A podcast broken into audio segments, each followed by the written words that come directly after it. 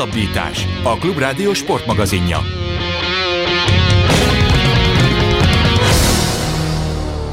Köszönjük a Klubrádió kedves hallgatóit, ez a Hosszabbítás magazin, a Klubrádió sportmagazinja Rév Dániellel és Farkasvölgyi Gáborral.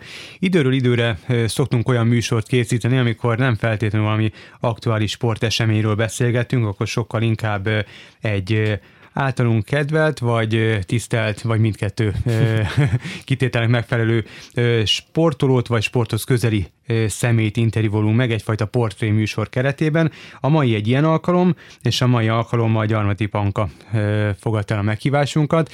Magyarország Hát szerintem a snowboard történetének egyik, vagy jelenleg a, a legnagyobb alakja, világkupa győztes, aki májusban jelentette be a visszavonulását, és ezért is gondoltuk úgy, hogy beszélgessünk egy kicsit veled, mert egyrészt rég nem hallottunk felőled, másrészt meg egy csomó olyan kérdés van, ami, ami felmerülhet egy olyan sportolóval kapcsolatban, aki abszolút profi sportolói életet élt, viszont át kellett ülnie a civil életbe, és hogy ezt az utat ezt mennyire volt nehéz bejárnod, de kezdjük akkor talán az elején. Hogy vagy, és mi újság veled mostanában? Május óta mik történtek veled? Sziasztok! Először is köszönöm a meghívást. Május óta egyébként, sőt, már május előtt szerintem február végén volt az, hogy, hogy én bejelentettem a szövetség felé a visszavonuláson. Persze volt az az idő, amíg ugye erről nem tudott a, a külvilág, de, de én azért már tehát bennem ez tudatosult. Ez úgy nézett ki, hogy bejelentettem a szövetségnek, és, és másnap egy pozícióra pályáztam is, úgyhogy én el is kezdtem dolgozni. Tehát azóta egy ügynökségnél dolgozom, és sokan meglepődnek, de, de igen, már több mint kilenc hónapja irodai munkát végzek, úgyhogy 9-től 6-ig teljesen más. Tehát ez egy 180 fokos fordulat, és hát igazi hullámvasút tehát vannak jobb, rosszabb napok, úgymond, de most így megszoktam, és egyébként úgymond szeretem is a dolgot, hát teljesen más. De az eleje nehéz volt nagyon. Gyerekkorod óta te azért az idődnek a nagyobb részét legalábbis, amikor van hó Ausztriában, vagy ahol éppen voltál, akkor havon töltötted. Most gondolom a munka mellett azért kevesebb időd jut arra, hogy elmenj akár snowboardozni, akár szörfözni, vagy bármi mást, amit éppen a fejedbe veszel, ezt hogy bírod a nagyobb kötöttséget? Mert azért egy, egy snowboardos általában egy ilyen szabad lelkű ember szokott lenni, és amennyire másoktól hallottam, te is ilyen vagy. Hát nagyon, én nagyon ilyen szabad lelkű vagyok, és igen, ez most tudatosult bennem igazán, főleg most, hogy kezdődik a szezon, így egyre nehezebb, hogy én már így mondtam is, hogy hát én már mínuszban vagyok a szabit illetően, úgyhogy aki más összegyűjtött, nem tudom, ő még áthozta, még előző évekből, Hát nekem az van, hogy, hogy én már így minuszosan, tehát nekem már bent kell ülnöm. Nagyon nehéz egyébként abból a szempontból, hogy én azért valamilyen szinten még élem ezt a, a snowboardos oldalamat is, ha így lehet mondani, és most például lesz táborom, voltam kint oktatni, és ez valamilyen szinten azért egy munka, tehát nem magam miatt csúszok ilyenkor, mert persze ezt is nagyon-nagyon élvezem, de nem az, hogy elmegyek nyaralni, és ugye sok szabi erre megy el például, meg van egy-kettő megkeresés. Nehéz ezt így összeegyeztetni. Menjünk szerintem a, a kezdetekig vissza. Egy egri lány vagy, hogyha, ha jól tudom, Egerben születtél? Pontosan, igen. A, hogy, hogy kerültél kapcsolatba a snowboarddal, egyáltalán a téli sporttal? Hogy talált az meg téged? Család, családi kötelék által, vagy, vagy egyszerűen csak, nem tudom, kitaláltad magadnak egyszer? Hát egyébként egyrészt a Kékes és Mátra egy köpésre van, úgyhogy nagyon sok egri snowboardos van, vagy hát volt, nem is az, hogy volt, de amikor én elkezdtem, akkor volt az a, az a generáció, akik akkor pont snowboardoztak. Uh-huh. De hogyha még visszább megyünk, akkor ugyanúgy egy ilyen közös családi síelgetéssel, egyébként nincs sportoló a családban, tehát ez az élsport, ez így teljesen velem kezdődött el, aztán meglátjuk, mi lesz. De igen, igazából síeléssel is 12 évesen váltottam snowboardra. Úgyhogy Ez ilyen divat akkor... volt, tehát megláttad, hogy fú, van ez a széles deszka, és uh-huh. akkor próbáljuk ki, vagy? Nem, ez az volt, hogy na akkor nézzük meg, mert apa is ezt most még uh-huh. így kipróbálta, és néztük, ahogy ott esik kell, és hát ezt, ezt akkor nekem is meg kell próbálni. Úgyhogy, úgyhogy egy, egymást támogattuk uh-huh. egyébként, és én 16 éves koromig ezt úgy csináltam, hogy tényleg így egy, ha, hát mondjuk évi egy-két hét Tehát ugyanúgy, mint ahogy más is elmegy. Én például magyar bajnok is úgy lettem, hogy, hogy akkor még nagyon az volt, hogy jó, elmegyek egy táborba, egyszer el tudunk menni a kékesre, de nekem 16 évesen változott ez meg, amikor ugye kiköltöztem Ausztriába. És ez a döntés, ez hogy született meg benned, meg a családodban? A családomban egyáltalán nem. Uh-huh. Tehát ez az, én, ez az én döntésem volt olyan szinten, hogy utána egy év volt, mire ezt így elértem, hogy kiengedjenek. Itthon mindent elértem, és így megrekedtem. Tehát egyrészt úgymond nem volt konkurencia, tehát ha elindultunk most, nem tudom, három-négyen egy versenyen, de ennyi volt, uh-huh. és tényleg úgymond kicsit így túl is nőttem, meg olyan szinten már nem tudtam fejlődni, meg azért a magyar hegyek, hát Szóval innen, innen nem lehet például nemzetközi szintre jutni. És már voltam mondjuk, nem tudom, hatszoros magyar bajnok, és akkor ott van, hogy jó, hát akkor így innentől nem tudok mit elérni. És közben egyébként kiment egy magyar fiú uh, Ausztriába, egy hát ilyen téli sportokra specializálódott iskolába, és akkor hallottam erről. És a szüleim oldaláról meg ez olyan volt, hogy jó, jó, akkor legalább megtanul németül. Aha. És akkor egy év. Csak hogy nekem már az első évben azért jöttek az eredmények, és ott meg nem arra számítottak, hogy ja, én csak így beugrósnak jöttem, és így kint ragadtam hat évet. Hm. Ausztriában. Pont ezt akartam kérdezni, hogy amikor kimentél hatszoros magyar bajnokként, akkor úgy arcul csapott az, hogy, hogy mennyivel tehetségesebbek, eredményesebbek a, a konkurensek, vagy a riválisaid, vagy ahogy most mondod, ezek szerint rögtön meg is válaszoltad a kérdést, hogy rögtön, rögtön jöttek az eredmények, vagy azért volt egy kis egy, olyan út, amikor, amikor azért utól kellett térni a riválisokat? Hát arcon is csaptak az elején, tehát az elején mély víz volt. Egyébként az iskolában én voltam az egyedüli lány uh-huh. freestyle snowboardban.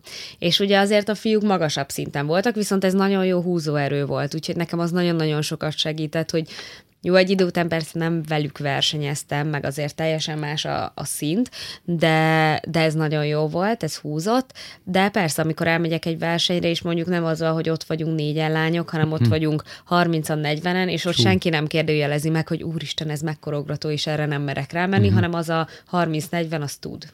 Hm. Tegyük rendbe a dolgokat. Szabad stílusú snowboard, freestyle snowboard, ez mit akar? Tehát mi, a, azok számára, akik esetleg nyilván nincsenek teljesen ott van a sportban. A, a freestyle-on belül egyébként van a, a félcső, a bigger és a slopestyle, és uh, itt nem a gyorsaság számít, hanem a trükkök. Aha. Tehát uh, ez olyan, mint egy torna, egy teljesen azért is szabad stílus. Itt nem, akkor emiatt nem olyan, mint a torna, mert itt nincsenek ugye kötött elemek, hanem bármit csinálhatsz. És amit pontoznak, az mondjuk tényleg a, a stílus, a kivitelezés és a trükk nehézsége, uh-huh. tehát ez egy eléggé szubjektív sportág, és én, én ebből a slopestyle és a bigger csinálom. A slopestyle az az, amikor ugratók vannak, tehát sáncon kell ugrani, plusz van mondjuk egy ilyen három-négy, és mellette korlátok. Ezeket a korlátokat úgy kell elképzelni, mint amikor megyünk az utcán, és egy lépcső mellett vannak, és uh, itt nem olyan, mint egy úszás, hogy akkor mindig ugyanaz, mindig ugyanaz a terv, mindig ugyanolyan az úszómedence, hanem itt teljesen más, variálják, mindenféle kombinációja van, méretben, kivitelezésben. Szerintem talán a nézőknek, vagy jelen esetben a hallgatóknak az lehetett az első emléke erről, amikor a Szocsi olimpián volt ez az óriási matyoska baba slopestyle pályán, és azt lehetett kerülgetni, vagy csúszni a tetejére, vagy nem is tudom, hogy mi a jó kifejezés erre, de azt hiszem, hogy az volt az, az eddigi egyik leglátványosabb ilyen elem, ami annyira kötötte az orosz kultúrát ehhez a sporthoz, hogy az, az talán sokaknak megvan. Pontosan, és tényleg így mindent ki lehet találni, tehát van olyan, hogy úgymond a ház tetején csúszunk, hogy egy autót kell átugrani, hogy oldal, oldalról ugro, ugrasz az ugratón, tehát ezerféle És variáció. amikor te ezt elkezdted 11 pár évesen, az hogy nézett ki Magyarországon? Tehát volt mondjuk egyáltalán slopestyle pálya építve a magyar bajnokságra? Egyébként, hogy átmentetek Ausztriából. Egyébként meglepő, de akkor volt snowboardos élet. Tehát, ha. ö, Ez amikor már eltűnt amúgy, bocsánat, közül. Kicsit igen, de jön vissza. Aha. Tehát most az a generáció kivonult, viszont most ö, vannak a fiatalok, akik még nincsenek ott, mert mondjuk nem tudom, ö, 12 körül, vagy 12-14, sokan vannak, de, de az, hogy tényleg mint élsport, úgy nem, nem annyira. Viszont az előző generációk meg pont olyan, ez a 20 évesek, ők szervezték a táborokat, mindig volt hova menni, felkaroltak, voltak kupafutamok, akkor meg volt ez a snowboardos élet. Ez hát kicsit így tényleg úgymond eltűnni látszott, de most jön vissza, ez igazából csak egy ilyen átalakulás. Ez a trend az egyébként szerinted nem figyelhető meg így a sípályákon is? Mert nekem nagyon az az érzésem ilyen kocasi előként, hogy amikor bejöttek a snowboardok 90-es évek második felétől kezdve, akkor egy ideig rengetegen snowboardoztak, és aztán ez így lement egy kicsit, és nem tudom őszintén szólva, hogy most az elmúlt két évben volt-e fölívelés, amit mondasz, hogy Magyarországon az életben igen, de mint hogyha tényleg kicsit eltűnt volna egy, egy csomó ember, aki akkoriban, amikor mondjuk én is ilyen 14-5 éves voltam, akkor snowboardozni kezdett, most ezek az emberek inkább síelni kezdenek, nem? Igen, szerintem azért még mindig megvan az emberekben, hogy sível kezdenek. Uh-huh. Hogy ugye kicsi a gyerek, akkor nem tudom, vegyük úgy három-négy éves, hát őket még nem állítják rá snowboardra. Egyébként nemzetközi szinten most már így egyre több olyan van, hogy úristen még kilóg a cumi a szájából, és már snowboardozik. Láttam ilyet. De de tényleg ez valamilyen szinten igen, én egyébként annak is betudnám így egyik oldalról, hogy megjelent a freestyle sí, vagy az is egyre inkább teret hódít, és az ugyanúgy egy ilyen, ugyanúgy lehet vele ugrálni, ugyanúgy egy vagánysport, adrenalin, stb., és nem kell egy teljesen új sportágat megtanulni hozzá, annak, aki mondjuk sível kezdi el. Az ausztriai éveket mi követte? Egy kicsit vissza kanyarodjunk az életpályáthoz. Tehát kimenti Ausztriából, te elvégezted az iskolát. Pontosan elvégeztem, és egyébként még utána maradtam két évet. Tehát nekem a, az iskolában, aki volt az edzőm, ő lett ugye a Snowboard Szövetségnek az edzője, vele még két évet edzettem, és utána kerültem ki Amerikába, Coloradoba egy privát csapathoz, és ott voltam két évet. Az inkább úgy nézett ki, hogy szezonban. Uh-huh. Tehát mondjuk kint voltam négy hónapot, akkor ott volt így a főhadiszállás, egyébként meg uh, utazgattunk, tehát itt is folyamatos utazás volt. És ez hogy néz ki a snowboard terén, tehát hogy azt mondod, hogy csapatban voltál, hogy ugyanúgy megkeresnek, mint egy profi labdarúgót, kosárlabdázó, tehát egyszerűen leigazol egy, egy csapat, vagy, vagy ezt máshogy kell elképzelni? Nem, ezt máshogy itt én találtam meg egyébként, és nagyon ritka is. Tehát általában az van, hogy, hogy megvan a válogatott, uh-huh. és minden országban mondjuk egyébként előtte pont az osztrák válogatottal edzettem, mert én mind, mindig egy kicsit ilyen árva voltam, mert így egyedüli magyar, azért úgy itt nincs akkor a kultúrája, itt nincs egy olyan, hogy egy snowboard csapat, nem ment uh-huh. senki nemzetközi versenyre, itt nem volt olyan, hogy egy komoly edző,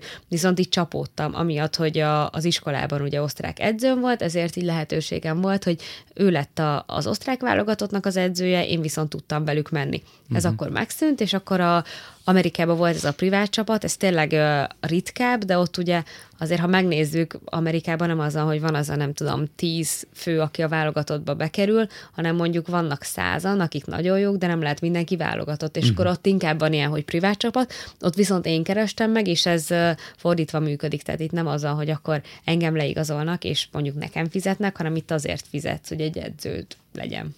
Uh-huh. De akkor együtt utaztok, Úgyhogy mondjuk ez is olyan volt, hogy volt, aki, aki nem indult világkupán, aki nem olyan szinten volt, de megvoltak az edzések, akkor ott együtt, és akkor volt az, aki világkupára ment, mondjuk egy három-négy ember, de volt, aki csak, nem tudom, amerikai versenyekre.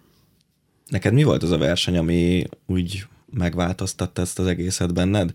Hogy elkezdtél azon gondolkodni, hogy fú, hát akkor itt ebből olimpia lehet, akár nem tudom, olimpiai érem lehet, a világkupa győzelem inkább, vagy még amikor junior világbajnok lettél? Inkább a junior világbajnok. Tehát a világkupa győzelem az már eléggé így a, a vége felé volt. Úgymond előtte én már pályáztam az olimpiára, ott ugye 14-ben egy helyjel maradtam uh-huh. le, tehát ott már benne volt, és hát junior VB volt az a mérföldkő, ahol azért úgy megismertek többen, ott én is így elhittem, hogy fú, akkor még így lehet valami, úgyhogy az volt így a, a leginkább. Ez még akkor volt, amikor Ausztriában voltál? Igen, ez azt hiszem a második évenben. Uh-huh. Úgyhogy egyébként elég korán. És ez a világkupa siker, azt hogy élted meg? Mert én arra emlékszem, hogy a, azon túl, hogy, hogy a téli sportágak már olyan szinten vannak jelen az életemben, hogy, hogy szeretek síelni, vagy jártam síelni, de én például nem kommentálom úgy, mint, mint akár a Pintér Laci, akivel, ö, akit ismersz, aki csinálta mm. veled az interjút a hosszabbítása, vagy a Dani, aki, aki szintén kommentált éjjel sportágat, de azt arra emlékszem, hogy, hogy valami óriási hype volt, ez, akár a szerkesztőségen belül, akár az országban, tehát akkor mindenki erről beszélt. Nyilván egy óriási ö, siker, meg egy kuriózum magyar ö, szinten. Azt te hogy élted meg?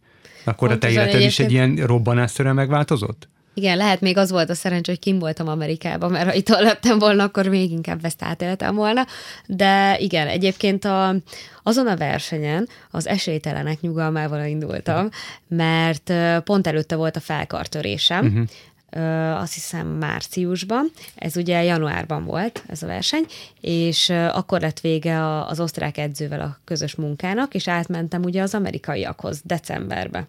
És egy hónapot, ha edzettem velük, és ugye januárban már ez volt, uh-huh. ez a verseny. Tehát úgy mentem oda, hogy jó, hát most jöttem vissza egy sérülésből, amúgy új csapat, nem vártam semmit az egésztől, nem volt nyomás, és így ez is nagyon sokat hozzátett uh-huh. egyébként, és ehhez képest tényleg az, hogy így megnyerni, hát ez ilyen felfoghatatlan volt. Ráadásul egy nagyon rangos verseny volt, nem? Tehát Igen. a világkupa versenyek között is egy, egy, egy igazán rangos viadal. Aha, azért tényleg a, a dobogón is még kettő amerikai állt mögöttem, azért tényleg így sikerült sok nemzetet magam mögé utasítani. Az a része neked, ez mennyire volt fontos, hogy a magyar hósportok, nevezük így történetében az első világkupa győzelem, hogy, hogy tényleg egy ilyen úttörővé váltál ezáltal, a magyar sportágak között is, vagy a magyar sportvilágában úgy unblock, hogy te téli sportolóként tudtál egy nemzetközi nagy versenyen, nemzetközi szövetség legmagasabb szintű versenyén nyerni.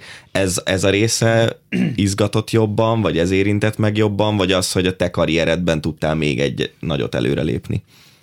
Igazából ez egyáltalán nem volt tervezett, meg én így a, nekem inkább az, az volt, hogy fú, ha kijutok az olimpiára, akkor én vagyok az első. Viszont például ez, hogy hú, ezzel történelmet írhatok, nekem ez egyáltalán nem tudatosult. Tehát ez előtte nem volt bennem, hanem utána, hogy úristen, ilyen még nem volt, és akkor így ez majd megváltoztat mindent ez ilyen kettős. Utána az volt, hogy úristen, akkor tényleg én vagyok az első, aki ezt elérte, és ez egy nagyon nagy dolog volt, de azért persze a karrieremben is.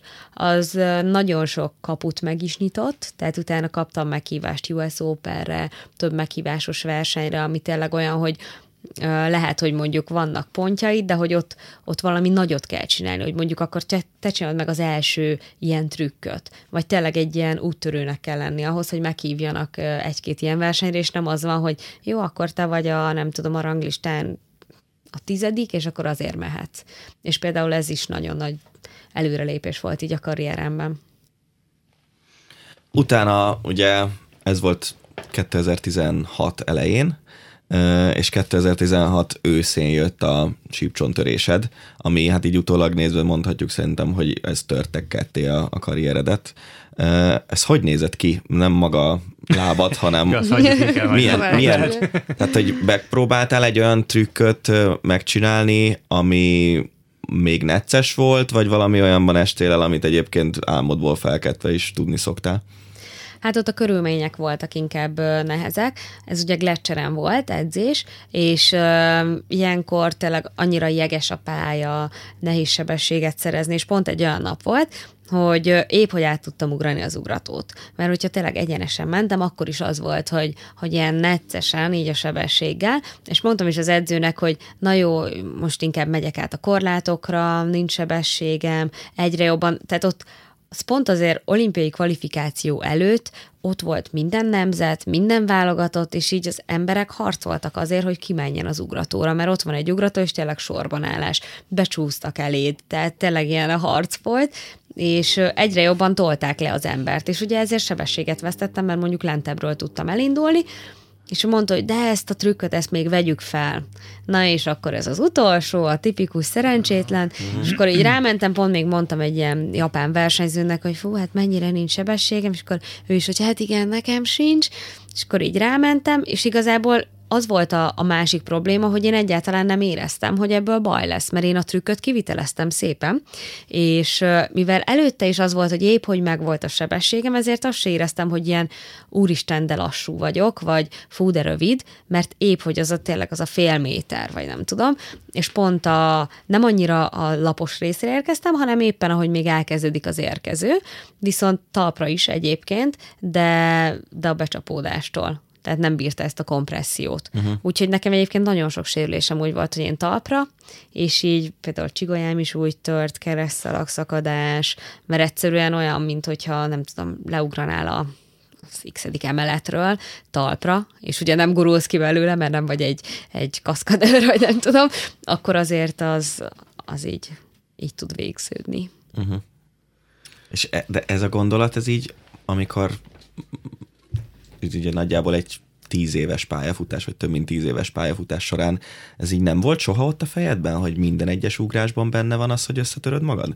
De persze ott volt, sőt volt is sok sérülés, viszont eleinte az volt, hogy jó, oké, ez része, ez a mm, játék része, oké, lesérülök, gyógytorna, visszaállok. És azért ezt egy párszor megcsináltam, tehát azért nekem nagy sérüléseim voltak, de úgy tudatalat mindig így hozzáadódott, hogy hát azért csak fáj mindenem, csak volt egy kis félelem az emberbe, és egyébként egész gyorsan vissza tudtam állni, de azért igen, ez, ez így nehéz volt, és azért persze a szülők is mondták, hogy jó, hát az első sérülésnél még oké, okay, persze, élsport, és akkor a második, és a harmadik, és amikor már elkezdtek aggódni, hogy hú, ez már nem lesz jó, Úgyhogy ez nehéz volt, meg persze, amikor tudatosult, hogy ezzel mi úszottál. Azt hogy élted meg? Hát én emlékszem, hogy elestem, és csak így ültem a pályán, és ha én nem tudok felállni, akkor baj van. Mert én egyébként olyan vagyok, hogy felpattanok és megyek tovább, és ez a jó, akkor nem veszek tudomást arról, hogy mondjuk fáj, vagy valami.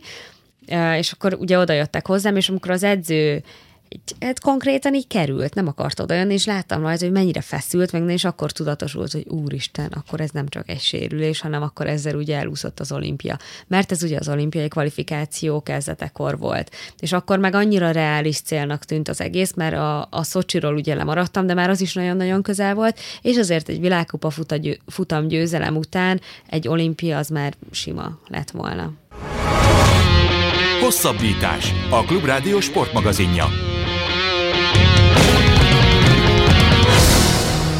Folytatjuk a beszélgetést Gyarmati Pankával, világkupa győztes snowboardossal, aki immár a visszavonult sportolók életét éli, de még mielőtt a visszavonulásodig eljutunk az olimpiánál, hagytuk abban nagyjából, hogy ezt nagyon nehezen élted meg, hogy nem sikerült kvalifikálnod emiatt a sérülés miatt. Ez pontosan hogy történt, mikor tértél vissza, mennyivel az olimpia előtt, és egyáltalán lehetett volna olyan forgatókönyv, hogy még így is ki tudsz jutni Pyeongchangba? Hát ezen komoly matek ment egyébként, mert gondolkoztunk rajta, hogy még megpróbálom. Viszont átlagot néznek, és már nem lett volna annyi verseny, hogy én ebből jól jöjjek ki. Konkrétan volt egy új-zélandi lány, aki ugyanúgy lesérült, és utána megnyert egy világkupát, és nem jutott ki. Uh-huh. Mert ugye nem volt meg az a három verseny, és mondjuk egy világkupában már nem tudta összehozni. Uh-huh. Tehát nagyjából lehetetlen helyzetbe került. Igen.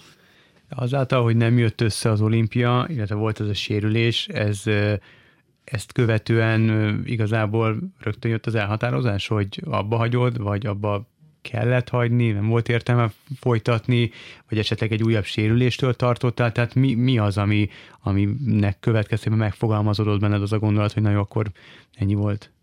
Nekem úgymond az volt a terv, hogy én majd kijutok szépen az olimpiára, és akkor az egy nagyon szép lezárása uh-huh. lesz a karrieremnek.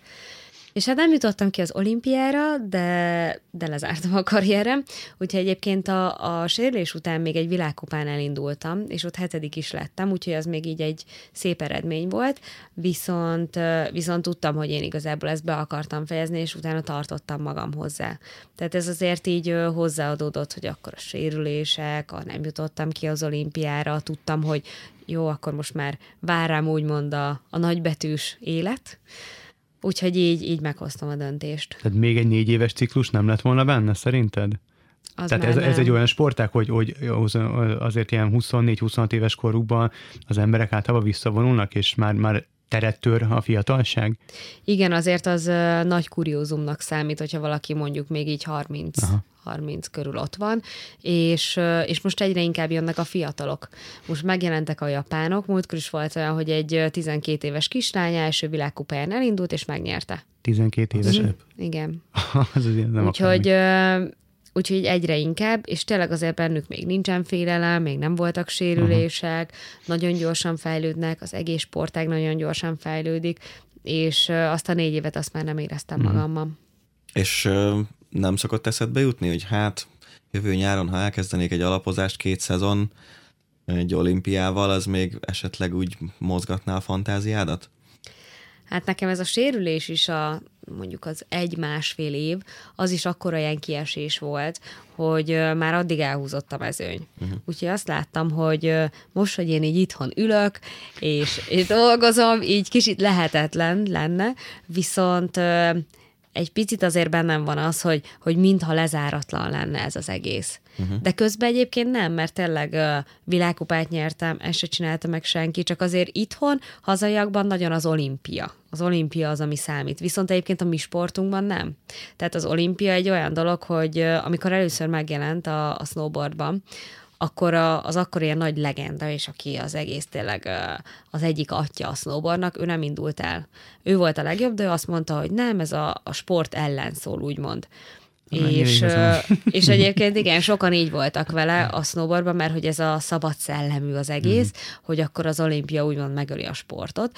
Viszont, viszont itthon meg, ha nem, nem vagy olimpikon, akkor úgymond nem értél el semmit a sportban. Igen, hát, ezért... Egy sporton belüli másképp látja, mint egy sporton kívüli. Abszolút. De Igen. közben meg azért az látszik, hogy ugye az elején a freestyle sízőknél is ugye nagyon sokáig tartott, mire a legtöbb standard szakág vagy, vagy szám bekerült az olimpia programjába, a snowboardosoknál talán egy még egy picivel előbb sikerült ez, de azért az látszik, hogy mondjuk mostanra már minden nagy sztár fontosnak gondolja az olimpiát Igen, is, nem? ez persze megfordult. Tehát azóta megváltozott, mindenkinek így ez lett a, a középpontban. Viszont például egy olimpia, nem mondanám azt, hogy az olimpia a legnehezebb verseny. Igen. Tehát amikor ott van egy világkupa, és mondjuk indulnak ötvenen, és ott nincs az, hogy hú, csak négy amerikai indulhat, mert annyi a kvóta, hanem ott van az a tíz, és lehet, hogy mind a tíz leveri az egész mezőnyt, mondjuk, akkor az, az még sokkal nehezebb tehát egy olimpia az már valamilyen szinten már így könnyebb is, mint mondjuk egy világkupa, ahol tényleg mindenki ott van. Azt szerintem sok sportágban van így. Igen. Ugye májusban jelentetted be hivatalosan a visszavonulásod, de mondtad, hogy már februárban közölted a szövetséggel, viszont előtte, ugye előtte volt az exatlanos kalandod, Igen. jól emlékszem. Az hogy jött? És mennyire ez volt az utolsó szög, úgymond a profi karriered koporsójában, hogy jó, most itt volt egy lehetőség, és akkor elindulok ezen az úton. Igen, ez egy kicsit rosszul is hangzik, hogy na akkor most egy műsor megváltoztatott, és akkor így vége a sportnak, de, de akkor azért tényleg, ahogy már mondtam, ez így érlelődött, épült bennem, és amikor jött az, hogy hú, itt van egy ilyen lehetőség, és egyébként tudom, hogy jó lesz egy világkupa, de, de nem érzem magam készen, meg nem is voltam deszkán, meg azért ott volt a sérülés, akkor úgy voltam vele, hogy jó, akkor itt van ez a lehetőség, és akkor ezt így kipróbálom. És hogyha tényleg az lett volna, hogy, hogy én tudom, hogy én még csinálom tovább az élsportot, akkor nem megyek ki. Uh-huh. Viszont emiatt, hogy azért úgy érlelődött bennem, emiatt vállaltam el. És hogy jött a megkeresés?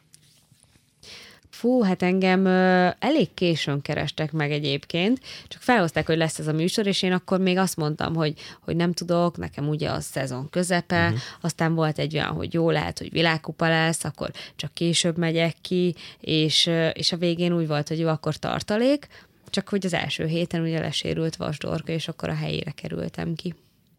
És a és ez lehet, hogy hülye kérdés, és lehet, hogy nem is válaszolhatsz teljesen őszintén, de remélem, hogy úgy fogsz, hogy az a, azok a barátságok, amik mondjuk a közösségi médiából figyelve téged, vagy a médián keresztül figyelve téged, ilyen erős barátságoknak tűnnek, amik kialakultak a műsor szereplőivel, azok az életben is tényleg ilyen meghatározói a mindennapjaidnak, vagy nyilván a, az Instagramra azt posztolod, ami sokakat érdekel, és úgymond a szürke hétköznapok azok nem ilyenek. Nem, az nem fizetett reklám, úgyhogy, úgyhogy pont egyébként említettem, hogy, hogy ma is a Gelencsértémivel ebédeltem, tényleg próbáljuk tartani a kapcsolatot, és nagyon nehéz, mert itthon mindenkinek megvan az élete, mindenki nagyon elfoglalt, ha sportol, ha más munkája van, azért mégis olyan emberek, hogy van, van közöttük tényleg olimpikon fontosabb emberek, vagy hogy mondjam, tehát elfoglaltak, és nagyon nehéz összehozni, de, de ezek így igaz barátságok. Én leginkább egyébként tűnvel tartom a kapcsolatot, uh, Ungival, próbálom, de azért ő is annyira elfoglalt, hogy, hogy ez a legnehezebb, de például most is, hogy volt Reninek a, a címvédése, ott például nagyon sokan ott voltunk, úgyhogy ez megmaradt, és tényleg ez nem, nem egy olyan dolog, hogy, hogy na, akkor a, a tévében ez volt, de egyébként utáljuk egymást, tehát ez, ez egy ilyen igaz dolog. Erről pont beszéltünk a műsor előtt, hogy a Vakó kibozgálna itt a Budapestin, ott is jöttetek ki, és drukkoltatok Pontosan. együtt uh-huh. Jóni Mártinak, mind a, a Reninek is. Mind a két csapatból, tehát ott bajnokok és kihívók uh-huh. is voltak. Egyébként a műsor során ez a, a műsor által felnagyított ilyen ellentét, hogy harcolunk egymás ellen, ez, ez mennyire volt a mindennapjaitoknak is a része? Kint vagy itthon? Kint, kint. És csapaton belül, vagy a csapatok között? A csapatok közöttre gondolok. Tehát, hogy a bajnokok és a kihívók egymás ellen. Ja, ott igazából mi egyáltalán nem találkoztunk, tehát mi csak a versenypályán találkoztunk, uh-huh. nem beszélgethettünk egymással. Uh-huh. Tehát semmi. Ez szerintem egy teljesen csak mint sportolói ellenfelek, vagy hogy mondjam. Uh-huh. Tehát ez egyáltalán nem volt személyes. Ha már csapaton belül nézzük, ott lehet, hogy volt például a másik csapatban több feszültség, az lehet, hogy már egy személyes dolog volt. Viszont mi az, hogy hazajöttünk, egyértelmű, hogy le akartuk verni a másikat, mert ez egy verseny. Tehát ez szerintem nem kérdés, de ez nem azt jelenti, hogy, hogy most mi nem szeretjük egymást, vagy nem bírtuk, vagy bármilyen feszültség lett volna. Tehát ez így itthon teljesen megszűnt. Uh-huh. Sportolókkal kapcsolatban, kifejezetten a profi sportolókkal kapcsolatban sokszor lehet azt hallani, vagy arról olvasni, hogy a profi pályafutásuk befejeztével borzasztóan nehezen találják meg magukat a, a hétköznapi életben, tehát nehéz az átállás, nem is nagyon tudják, hogy mihez kezdjenek, és hát, nyugatra, tőlünk nyugatabbra, az Egyesült Államokban azért, vagy az Egyesült Államokban azért erre van példa, hogy kifejezetten ilyen profi, úgymond kócsok segítenek valahogy az átmenetet a profi sportból, a profi sportolnak az átmenetét a profi sportból a, a, a hétköznapi életbe. Nálad ez hogy nézett ki? Valaki segített, vagy te céltudatos volt és tudtad rögtön, ahogy mondtad, hogy pályáztál rögtön egy állásra, te tudtad, hogy mit szeretnél, hogy szeretnéd, és mentél azon az úton, vagy azért volt egy kis segítség számodra? Nagyon jó ez a kérdés egyébként sokat gondolkoztam, még mielőtt visszavonultam, mert én is hallottam ilyeneket, ilyen rémtörténeteket, hogy valakinek nem annyira jól sikerült, és ez tény, tehát azért egy sportoló egy légüres térbe kerül, hirtelen úgymond megszűnik az a motiváció, az a cél, hogy úristen, akkor te most versenyzel, és akkor van ott valami, és azért mégis valamilyen szinten ezek a szürke hétköznapok. Számomra az a legnehezebb, hogy nem nehéz olyan szenvedéllyel csinálni. És tényleg ez most nagyon függ attól, hogy, hogy éppen mit csinál az ember, mert van, aki ugyanúgy a karrierben megtalálja azt, ami, ami neki való, de, de az tényleg nehéz, hogy, hogy úgymond így nem váltod meg a világot. Uh-huh. Tehát bennem mindig volt egy ilyen, hogy na, akkor valami nagyot csinálni, és, és persze ezt is lehet, meg főleg szerintem ez akkor van, hogyha az ember nem alkalmazott, hanem mondjuk a saját kis dolgát tudja csinálni. Vagy éppen megnézzük, hogyha tudom, az, hogy most edzősködök. És akkor, hogyha a kis tanítványom például elér valamit, akkor az olyan, hogy az félig, mint hogyha én csinálnám, hmm. és mint hogyha én nyertem volna, vagy én tanultam volna meg ezt a trükköt. Viszont tény, hogy ez, ez egy ilyen visszalépés és előrelépés, mert ott megint nulláról kezdett, tehát ott már senkit nem érdekel, hogyha például, jó, persze ez is más, hogy mit csinál az ember, mert ha én edzőként helyezkedek el, akkor nem az van, hogy a nulláról, mert ott már letettem valamit. De például az én esetemben én most egy tényleg egy irodában kezdtem el dolgozni, reklámügynökség, nulla tapasztalat. Egyébként ezt tanultam, tehát kereskedelem és marketinget az egyetem, Edutus egyetemen, viszont, viszont attól függetlenül tapasztalatom még nincs szakmai. És, és ezért tényleg nehéz volt az, hogy, hogy oda megyek, én vagyok a junior, azt egyébként jól viseltem, hogy persze, hogy megmondják, hogy, hogy mi van, de, de azért az, hogy így az elején nem, tehát hibáztam, nem volt az, hogy ó, persze tudom, hogy hogy kell csinálni, hanem fú, akkor itt most ezt nem tudom, hogy hogy kell, és így ez, ez most miért, és úristen. Tehát ez azért egy kicsit nehéz volt, igen. És ezt az újonc helyzetet nem kavarta meg az, hogy mondjuk másfél hónappal korábban még TV műsorban szerepeltél, és úgy kerültél oda, hogy na itt jön ez az újonc, aki, Aki aki, amúgy aki egyébként valószínűleg a legismertebb tagja annak a cégnek a munkavállalóinak. Hát egyébként ez azért vicces, mert uh, ugye ez egy reklámügynökség, és mi dolgozunk is ugye a tévével, meg a médiával, uh-huh. és én úgy mentem oda, hogy ez a senki nem beszél róla, de azért tudják, hogy, hogy így ki vagyok. Tehát olyan, hogy nem volt az, hogy ez az úristen, és egyébként volt egy-kettő, hogy így, ó, a gyerekemnek nem tudom, ö, adnál egy autogramot, vagy csinálunk egy képet, de ez tényleg ilyen egy-kettő, szóval mm. olyan, olyan tudják, de hogy én is úgy vagyok vele, hogy így új lapokkal, én ott úgy vagyok, mint Gyarmati Panka és account, most mondok valamit, és hogy egyáltalán nem akartam azt, tehát ez nekem egy ilyen jó érzés volt, hogy én úgymond így, így tiszta, tiszta lapokkal, uh-huh. és hogy nem, én nem is vártam el azt, tehát lehet, hogy valakinél az van, hogy na, én pedig uh, világkupa győztes vagyok, és akkor engem ott úgy kezeljenek, én ezt egyáltalán nem vártam el. Tehát nekem ez tök jó volt, hogy na, akkor egy másik oldalam. Akkor te is profin kezelted ezt a helyzetet, meg a munkatársaid is ezek szerint. Egyébként igen. De volt egy-kettő olyan, hogy na, láttuk rólad azt a cikket, vagy hallottunk a rádióban, és akkor így mosolygok egyet, és ennyi. az ismertséged, az uh, hol, most te mondjuk egy tízes skálát vegyünk, hol volt akkor, amikor világkupa győztes lettél, és hol volt akkor, amikor reality-ben szerepeltél?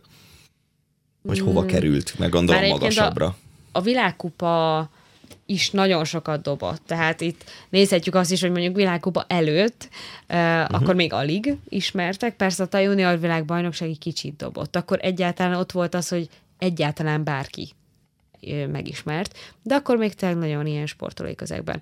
Akkor utána a junior világkupa vagy na, junior világkupa, a világkupa győzelem, az megint hozzátett, viszont összehasonlíthatatlan egyébként. A, a... Akkor megismertek az utcán, amikor mondjuk világkupa győztesként jöttél haza Magyarországra, vagy, vagy most jobban megismernek a reality hát, után? akkor egyébként nem annyira. Persze azért benne van az is, hogy ez, ez egy olyan sport, hogy én teljesen be vagyok öltözve. Uh-huh. Tehát lehet, hogy most az utcán így végig sétálok, akkor nem ismernek úgy uh-huh. meg. De tehát az exatlan után ott azért nagyon... Zavaró ott, volt? Tehát, hogy megállítottak, mondjuk utaztál valahol, és megállítottak, igen, főleg hogy az, hogy egy kint, szelfira, vagy valami? Aha, főleg az, hogy kint voltál úgy, hogy egy tényleg egy dobozba zárva, nem volt telefonod, nem volt semmi kontaktod a külvilággal, uh-huh. az időt nem mondták meg, tehát ott tényleg olyan körülmények voltak, itt nem az van, hogy jó, egyébként így a kulisszák mögött ez, meg az, meg amúgy kapunk mindent. Uh-huh. Nem, ott tényleg így keményebb is benne, mint ami átjön a tévén. Uh-huh. És azután az, hogy egy úristen az utcán megismernek, meg úristen rádírnak, meg nem tudom, nagyon fura volt. Persze ez is olyan, hogy meddig tart a hírnév, amikor kiestem, meg amikor hazajöttem, akkor ez sokkal nagyobb volt, és azért most már így lejjebb csökkent, de előtte mondjuk az utcán most úgymond egyáltalán nem ismertek mm. meg. Tehát persze volt egy-kettő olyan eset, de inkább így a sportolói berkekben, uh-huh. vagy így a snowboardosok között. Mert persze a snowboardosok között ott mindenki. Nyilván, de ez, ez így egyértelmű, viszont nagyon megugrott, és egyébként ez, ez ilyen Hát ez jó is, rossz is, mert uh-huh. szerintem ez a sportágoknak nagyon nagy marketing, meg tényleg tök jó, hogy megismerik az emberek a sportolókat, viszont a másik oldalról meg szomorú, hogy egyébként, ha valaki, nem tudom, letesz valamit az asztalra, és mondjuk egy világkupát nyert, vagy világbajnok lesz, vagy olimpiai bajnok, az nem számít annyit, mint hogy egy TV showban szerepel. És yeah. téged ez, bocsánat, ez mennyi, mennyire szippantod be? Tehát lehet azt hallani, hogy van, akit nagyon elkap a gépszi, és egyszer bekerül így a, a média, vagy inkább a reality világába, és, és egyszer nem tud szabadulni ettől a légkörtől, illetve van a másik oldal, akit meg kifejezetten, kifejezetten zavar, hogy mondjuk megismerik az utcán, megállítják az utcán, fotót szeretnének vele készíteni. Tehát nálad ez inkább egy ilyen arany középút, vagy kileng jobbra vagy balra? Ilyen arany középút. Volt az elén, amikor már ilyen zavaró volt, uh-huh. meg én nem tudom, engem kicsit olyan, olyan furán érzem magam, hogy úristen, akkor most megállítanak, és egyébként meg ki vagyok én, meg uh-huh. most miért? Én ugyanolyan vagyok, mint a többi ember. De egyébként kicsit él, azt a részét élvezem inkább, amikor például egy olyan levelet kapok, hogy akkor én vagyok valaki példaképe. Uh-huh. De ez például előtte is volt, hogy lesérültem, visszatértem, és hogyha így erre írták, hogy fú, ez tök jó, és akkor, vagy miattad ke- Most például sok olyan jött, hogy miattam kezdtek el snowboardozni, és például ez ilyen nagyon pozitív, meg ez ilyen, ú, én tényleg így ezért csinálom, és ez, ez annyira jó volt, viszont van olyan is, aki mondjuk, hát teljesen azért, mert hogy egy műsor, és akkor akár egy való világban is lehettem volna, vagy bárhol, és ugyanúgy mm, szeretnének, vagy megtalálnának az utcán. Tehát egyébként így tetszik is, de engem olyan szinten nem szippantott be, tehát akkor volt, aki azt mondta, hogy fú, te világkupát nyertél, és akkor mégsem vagy úgy elszállva magadtól. Szerintem ez egy ilyen személyiség dolog. Aha. Tehát én akár, nem tudom, ö, olimpiai bajnok is lehetnék, meg megváltatnám a világot, és akkor is ugyanilyen lennék. Utolsó kérdés. Az a helyzet, amiben most vagy, hogy valamilyen szinten mindenképpen influencernek is számítasz Magyarországon, és közben megvan a idézőjel szürke munkád. Ez a helyzet, ez fenntartható szerinted, vagy előbb-utóbb valamelyiket el kell engedned, hogy a másikra koncentráljál igazán? Fú, nagyon nehéz. Egyébként egyrészt így vicces, hogy mit látnak az emberek, és akkor én is nevetek néha, és ez most nem az, hogy én így nem azt osztanám meg mondjuk a, a közösségi médiában, ami, tehát én valós dolgokat osztok meg, csak hogy egyébként igen, én 40 órában ott ülök az irodában, és azért nem mindig olyan izgalmas az életem, mint amit így megosztok, de, de persze van van benne az is, viszont amiatt, hogy én párhuzamosan úgymond még mindig két életem van, és ez is így, tehát vissza lehet kanyarodni oda, hogy igenis nehéz azért sportolóként, mert még én sem tudtam így elengedni teljes mértékben, hanem mégis élem azért a másik életemet is, ez azért baromira fárasztó. Tehát az, hogy nekem így a hétvégék is, hogy akkor ide menni, oda menni, oktatni, ezt szervezni, szóval azért nem tudom, hogy mennyire fenntartható egyébként, de, de sokszor egyébként mostanában kiszokott jönni így betegség, fizikailag azért nehéz bírni. Mm, most még így csinálom, aztán meglátjuk, de, de szerintem így hosszú távon ez nem működik, tehát vagy ez, vagy az. Hát akármelyik mellett is döntesz, sok sikert kívánunk, és nagyon szépen köszönjük, hogy eljöttél hozzánk. Gyarmati Pankával, Gyarmati Pankával beszélgettünk az elmúlt szűk egy órában.